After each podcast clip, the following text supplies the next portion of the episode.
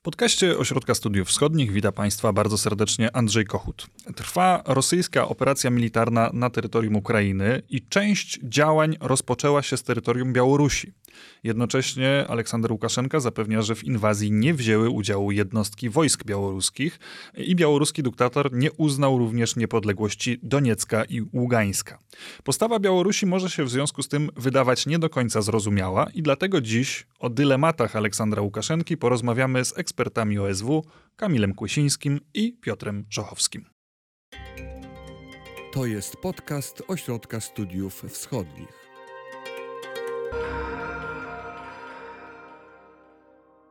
To może zacznijmy od tego, w co właściwie gra Łukaszenka. Udostępniając swoje terytorium Rosji e, przy tej inwazji, z punktu widzenia prawa międzynarodowego już jest agresorem. Po co zatem te zapewnienia dosyć gorączkowe, że białoruska armia nie wzięła udziału w tych działaniach militarnych? To jest bardzo dobre pytanie. Aleksander Łukaszenka moim zdaniem próbuje dokonać rzeczy niemożliwej. Jak to się mówi w takim trochę dziecinnym y, powiedzonku, chciałby zjeść ciastko i mieć ciastko, ale to trochę oddaje właśnie jego sytuację, jego sposób myślenia.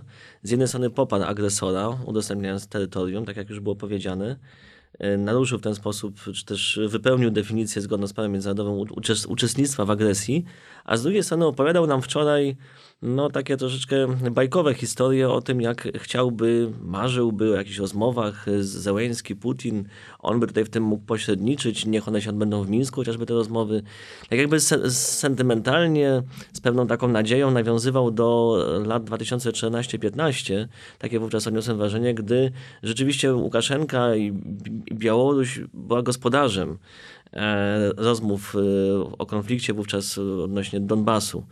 E, teraz sytuacja jest dużo poważniejsza. Łukaszenka nie ma żadnego pola manewru wobec Zachodu, jest zupełnie z Zachodu izolowany. Ma, jest bardzo e, mocno obłożony e, dotkliwymi reżimami sankcyjnymi USA i UE. Nie jest uznawany za prezydenta. Jest zupełnie zdominowany przez Rosję, stąd też właśnie udostępnił to terytorium. To też trzeba zrozumieć, że Łukaszenka nie miał wyjścia, nawet gdyby nie chciał, to musiałby udostępnić terytorium. Więc y, proponowanie czegoś takiego w tej sytuacji jest zupełnie nieadekwatne, jest po prostu opowieścią z, z zupełnie innej epoki. E, Łukaszenka obecnie nie może stać się negocjatorem, ale właśnie chciałby być tak troszeczkę pośrodku i pomiędzy. Jedno trzeba mu przyznać, i to też pewnie jest związane z tym, że Rosjanie bardzo na to nie, nie nalegali, te jednostki białoruskie rzeczywiście nie biorą udziału w agresji na Ukrainę, przynajmniej nic na razie na to nie wskazuje. Czy Łukaszenka w jakiś sposób obawia się tego, w co został uwikłany, tych działań rosyjskich na Ukrainie? Myślę sobie też o tej jego decyzji, by nie uznawać Doniecka i Ługańska, co przecież Rosja zrobiła kilka dni temu. Mam takie wrażenie, że on się rzeczywiście boi. Nigdy nie widziałem tak, e, no może nie przerażonego, to za dużo by było powiedziane, ale zaniepokojonego Łukaszenki, czy trochę zagubionego w tym wszystkim. On wie, że musi być lojalnym sojusznikiem wobec Moskwy tak jak już mówiłem, nie ma innego wyjścia i mentalnie też zawsze mu było bliżej do Moskwy niż do, niż do innych stolic. Z drugiej strony wie, że Ukraina jest ważnym krajem dla Białorusi. Cały czas podkreśla, że to nasza Ukraina, bratnia Ukraina, słowiańska Ukraina.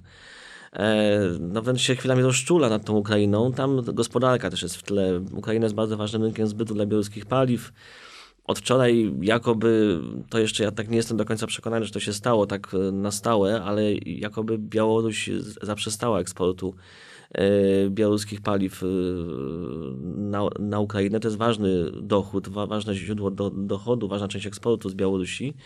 W przyszłości to może być katastrofa dla białoruskich finansów, więc jest to poważna sprawa, to trzeba jeszcze zweryfikować.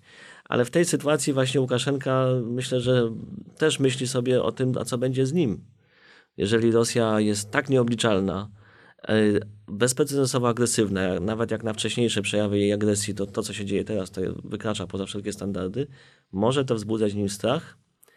Dlatego boi się jednoznacznych oświadczeń. Jeśli chodzi o Donbas, o LNR i DNR, obie republiki Łukaszenka, mówiąc kolokwialnie, kręci z jednej strony mówi, że podejmie decyzję w najbliższym czasie, że ona będzie dobra, ta decyzja i dla Rosji, i dla Białorusi, ale z drugiej strony właśnie unika jakiejkolwiek decyzji, opowiada o potrzebach pokojowych i jednocześnie rozczula się nad ukraińskim narodem, to dzisiaj widziałem, który ma takie nieszczęście do ukraińskich polityków, którzy przez swój nacjonalizm, wściekły nacjonalizm, jak się wyraził, prowadzą ten kraj i naród do zguby.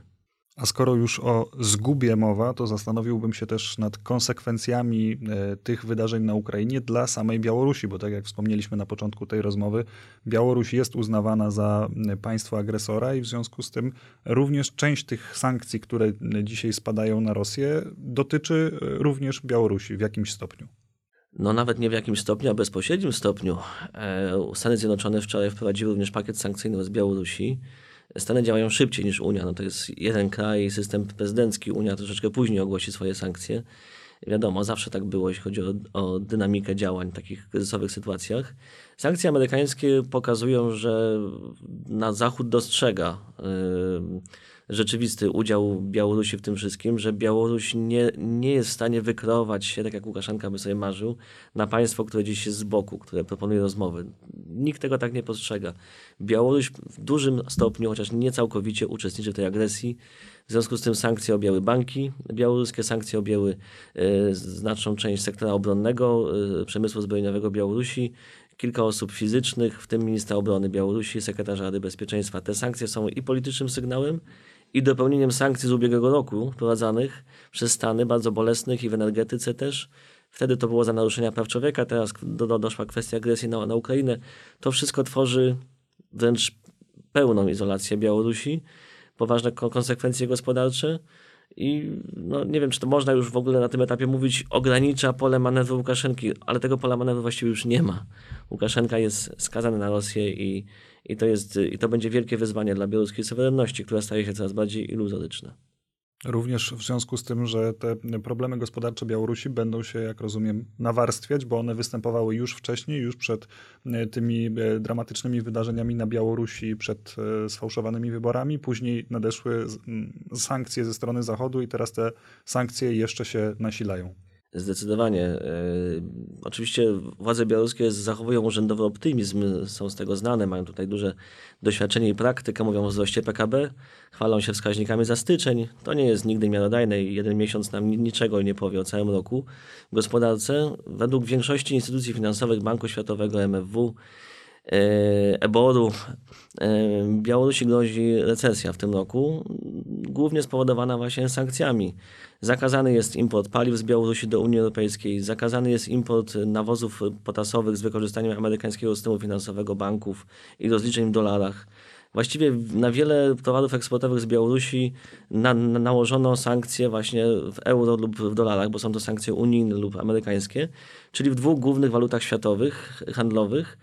I tutaj, no cóż, efekty, efekty narastają, nawarstwiają się z każdym dniem. Od początku lutego Litwa, e, sugerując się amerykańskimi sankcjami, będąc w ścisłym sojuszu też z, z USA, zablokowała tranzyt nawozów potasowych z Białorusi do swoich portów, głównie portów w Kłajpedzie, co jest bardzo bolesnym ciosem e, w białoruską gospodarkę. Nawozy potasowe, tak jak paliwa, są e, podstawą białoruskiego eksportu. Chciałbym teraz zapytać jeszcze o to, czy pozycja e, Białorusi w tej relacji z Rosją ulegnie jakiejś poważnej zmianie po tym, co wydarzyło się na Ukrainie? Czy w relacji e, Władimira Putina i Aleksandra Łukaszenki to coś istotnie zmienia? Odpowiadając na to, e, czy będzie więcej przyjaźni tak, między Putinem a Łukaszenką, nie sądzę. No to smutne, ale no, Łukaszenka jest instrumentalnie wykorzystywany przez Putina. A teraz co się dzieje, no mówimy również o, o, o tym o takim pomocnictwie białoruskim w agresji na Ukrainę, no to Łukaszenka jest bez wyjścia. No, biorąc to, że na własne życzenie się wyizolował od świata, nie chcąc nawet wykonywać jakichś delikatnych ruchów modernizujących Białoruś i, no, żeby, żeby to państwo jakoś funkcjonowało bardziej w sposób demokratyczny, to spowodował kryzys społeczny i kryzys e, własnej władzy. No, Rosja to wykorzystała, jak dobrze wiemy, no a teraz no, Łukaszenka musi współpracować ściśle, choć zawsze w jego tak wystąpieniach no, słychać ten taki głos, no ja jestem jednak niezależną, chcę przekonać świat, że ma jeszcze coś do powiedzenia. I tutaj właśnie, jeżeli mówimy o tym, że białoruskie jednostki nie biorą udziału e, w operacji rosyjskiej, To jest pewien taki może i prezent od Putina, że nie zmusił go do tego, a z drugiej strony no, Łukaszenko może dalej mówić, widzicie, Białorusini nie będą brać udziału w żadnym konflikcie zbrojnym. No bo w sumie on konsekwentnie mówi, że tylko wtedy wyśle wojska, kiedy zostanie zaatakowany. Także tutaj zachowuje ten swój taki, taki trochę dystans, no ale to nie zmienia sprawy, że jeżeli chodzi o swobodę funkcjonowania sił zbrojnych rosyjskich na terytorium Białorusi, no to one posiadają pełną, pełną swobodę. I tutaj na przykład też jest, y, no jak pomógł Łukaszenko, tak? Rosjanom możemy się zastanowić. Y, to, to oczywiście to, że no, zapewnił mm, miejsca przebywania, doprowadzono na pewno transport paliwa i to z Rosji, ale to nie jest na, na, na ropie białoruskiej robione ta cała operacja. W wojsku rosyjskim istnieją takie wojska rurociągowe, które kładą takie rurociągi specjalnie do użytku wojskowego, więc na pewno to robili, ponieważ przypomnę, że ta operacja e, ukraińska była przygotowywana również w ramach e, sprawdzianu e, sił państw, państwa, państwa związkowego czy tych ćwiczeń rosyjsko-białoruskich, no to już te jednostki rosyjskie przyjechały, jak się okazało, nie po to, żeby się wycofać mimo wcześniejszych zapowiedzi, ale wejść na Ukrainę. Taki, też ciekawa taka informacja, taki szczególik. Y, wczoraj Białoruś zamknęła przestrzeń lotniczą nawet tak od połowy granicy z Polską i wzdłuż całego, całej granicy południowej. No to jest ta po prostu strefa ochronna. Tam działają, działają y, rosyjskie wojska. Pojawiły się ostatnio informacje, że obserwujemy jakiś ruch wojsk w okolicach Brześcia. Tam prawdopodobnie, no tam jest duży poligon i teraz podczas tych ćwiczeń e, tam byli też Rosjanie, no prawdopodobnie no, kolejna jednostka rosyjska przygotowuje się do e, wejścia na Ukrainę. Mhm.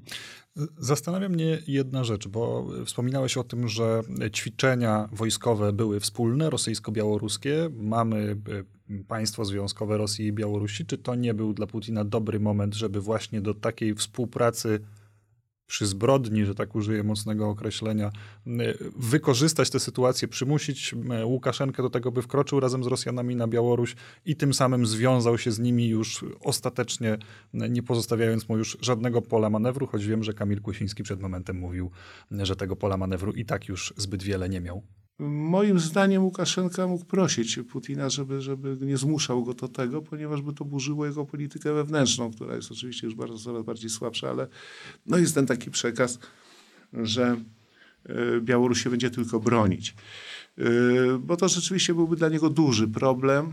Ja, ja nie wykluczałem oczywiście, że bo mamy dwie brygady powietrzno-desantowe, które są bardzo spięte z, rosyjskim, z rosyjskimi partnerami że takie jakieś jednostki może białoruskie zostaną wysłane, ale one są najlepsze. No ale nie, nie zrobiono tego, tu też przestrzegam przed takimi fejkami, które zauważyłem, pojawiły się w sieci, że białoruski specnaz pojawił się w Czernobylu. Y, to jest raczej niemożliwe, ale o to chodzi, że no, wiadomo, no, w przestrzeni informacyjnej pojawiają się różne pomysły i różne interpretacje. E, co jest najważniejsze? No, e, Łukaszenko no jednak został uznany za pomocnika, tak? za, za to jest, po, jest pomocnikiem w agresji. Czego on za to oczekuje? No, jeśli w strefie wojskowej, no to w jego wystąpieniach znowu brzmiało właśnie wtedy, kiedy jeszcze po, kilka dni temu, że kiedy, kiedy mówił, no nie wiadomo co z tym uznaniem, zastanowimy się, ale był taki też silny przekaz, no ale oczekujemy na nowe uzbrojenie, na to, że Rosjanie nam przekażą, sprzedadzą, podarują, to są różne już kombinacje, ale żebyśmy mieli w końcu Iskandery, systemy S-400. Także jak widzę, tak mogę to interpretować w ten sposób, że Łukaszenko za to i tak przymusowe pomocnictwo, no będzie oczekiwał pewnych prezentów ze strony Rosjan w sferze wojskowej. Panowie, bardzo Wam dziękuję za tą krótką rozmowę o Białorusi. E, państwu serdecznie dziękuję za uwagę. Oczywiście zapraszam do śledzenia naszego kanału podcastowego, jak również i kanału YouTube'owego, gdzie ostatnio pojawia się bardzo wiele treści związanych z tym, co dzieje się właśnie na Ukrainie. Staramy się wraz z analitykami Ośrodka Studiów Wschodnich przekazywać Wam najdokładniejsze i najświeższe informacje. Do usłyszenia. Wysłuchali Państwo podcastu Ośrodka Studiów Wschodnich. Więcej nagrań można znaleźć na stronie www.osw.waw.pl.